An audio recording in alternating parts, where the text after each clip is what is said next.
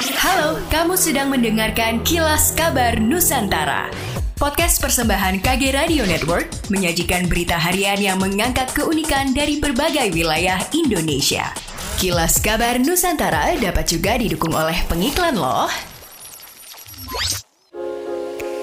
Kamu tidak percaya diri dengan penampilanmu? Podcast Semua Bisa Cantik hadir untuk membantu mendefinisikan dan merangkul arti cantik yang sesungguhnya. Dengerin podcast Semua Bisa Cantik dari Media by KG Media dan Stylo Indonesia di Spotify. Satpol PP Kabupaten Malang mengunjungi Pasar Pakis untuk memberi sosialisasi ketentuan bidang cukai kepada para pedagang kios di Pasar Pakis pada Kamis 1 Agustus 2022. Kepala Satpol PP Kabupaten Malang Firmando Hasiholan Matondang menjelaskan sosialisasi tersebut dilakukan untuk menekan peredaran rokok ilegal di pasar tradisional. Kemudian Firmando juga tidak menampik jika masih banyak pedagang atau pemilik kios yang belum paham terkait aturan ketentuan bidang cukai. Sementara itu, Kepala Kantor Bea Cukai Malang Gunawan Triwibowo menegaskan akan terus menindak peredaran rokok ilegal di Kabupaten Malang.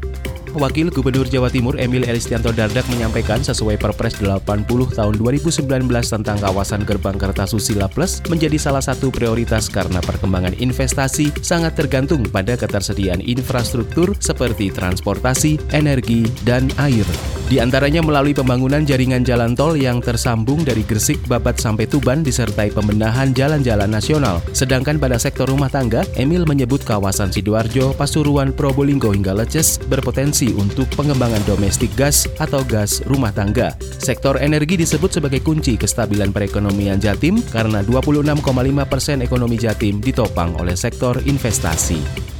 Wahana Lingkungan Hidup Indonesia Walhi Sulawesi Selatan menantang Balai Pengelola Kereta Api BPKA Sulsel membuka studi kelayakan lingkungan atau feasibility study proyek rel kereta api di Makassar Parepare. Direktur Wahana Lingkungan Hidup Indonesia Walhi Sulsel Muhammad Al-Amin mengaku pihaknya tak pernah dilibatkan dalam pembahasan mengenai hasil studi kelayakan lingkungan dari proyek strategis nasional itu. Padahal hasil studi kelayakan seharusnya diungkap ke publik agar mereka mengetahuinya.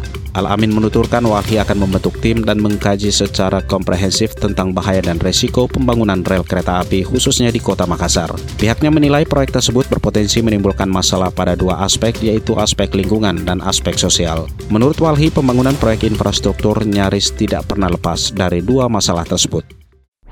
Demikianlah kilas kabar Nusantara pagi ini.